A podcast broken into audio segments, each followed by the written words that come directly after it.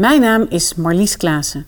In de reeks ineenwarmbad.nl voor Akkon AVM mag ik podcasts maken waarin we graag tips en adviezen geven om het ondernemen leuker en makkelijker te maken. Zodat de maatregelen en regels niet voelen als een koude douche, maar als een warm bad.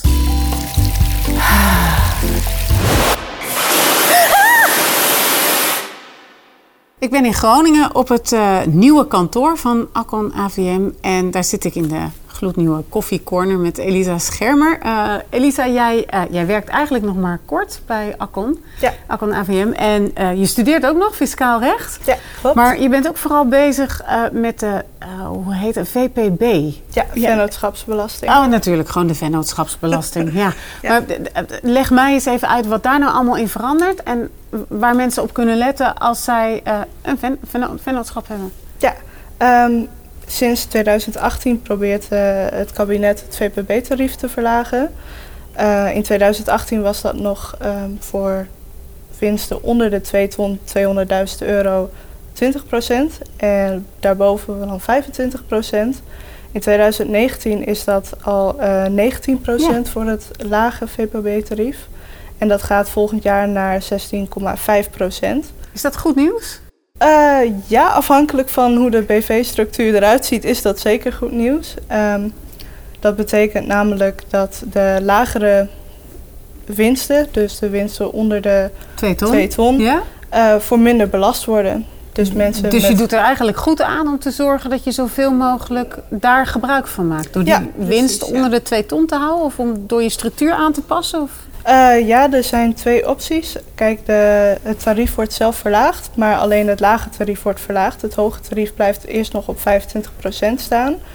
Uh, dat zorgt er nu voor dat er een verschil van 8,5% vennootschapsbelasting tussen de twee zit. Dan is het heel zuur als je net boven die 2 ton komt. Ja. Nou ja, dat uh, kan verholpen worden. Uh, op dit moment zijn er eigenlijk twee groepen mensen die daar echt um, gebruik van kunnen maken of dat echt kunnen optimaliseren, zoals Ja. wij dat dan graag zeggen.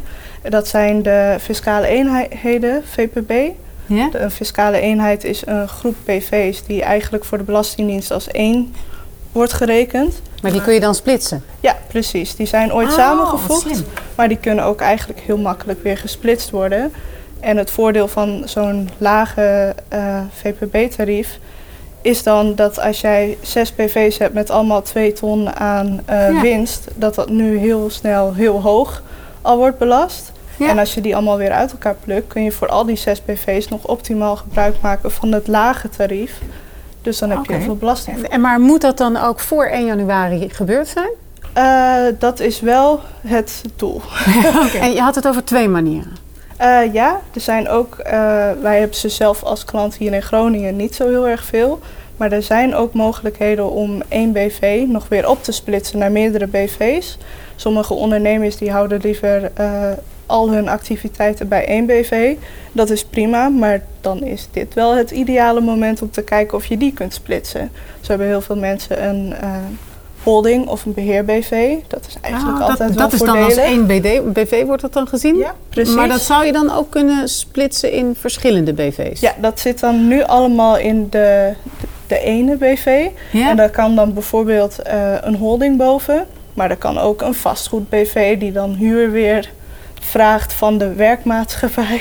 Maar wel, eh, het, klinkt als dat je een heleboel moet doen, maar als je daar 8,5% minder belasting door hoeft te betalen op zulke bedragen, Ja, dat kan behoorlijk oplopen dan. Ja, zeker. En het uh, voordeel van weer dat uh, de fiscale eenheid die er dan weer bij komt kijken, als het, het VPB-tarief um, weer nou ja, minder verschillend is en dat het weer Ja. voordeliger is om als fiscale eenheid aangemerkt te worden, dan kun je al die BV's door middel van de fiscale eenheid weer als één laten gelden. Dan kan je eigenlijk per jaar anders doen.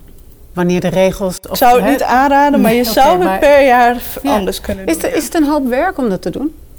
Uh, voor Want ons hij- wat meer dan voor de klant natuurlijk. Ja, maar ze hebben jullie daarvoor nodig. Hè? ja. Dit, dit is wel echt iets wat, wat Accon AVM kan doen. Ik zou het absoluut aanraden om dat door een belastingadviseur te laten doen. Ja.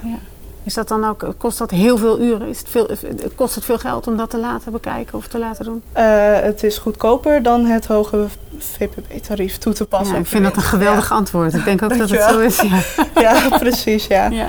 Ja. als het om 8,5% uh, belastingvoordeel gaat, dan zit je daar al snel aan. Ja, nou, dat is, dit is een, echt een heel mooi voorbeeld van... is het nou een koude douche of een warm bad? En we kunnen er dus een heel warm bad van maken. Absoluut, dat, uh, dat zeker.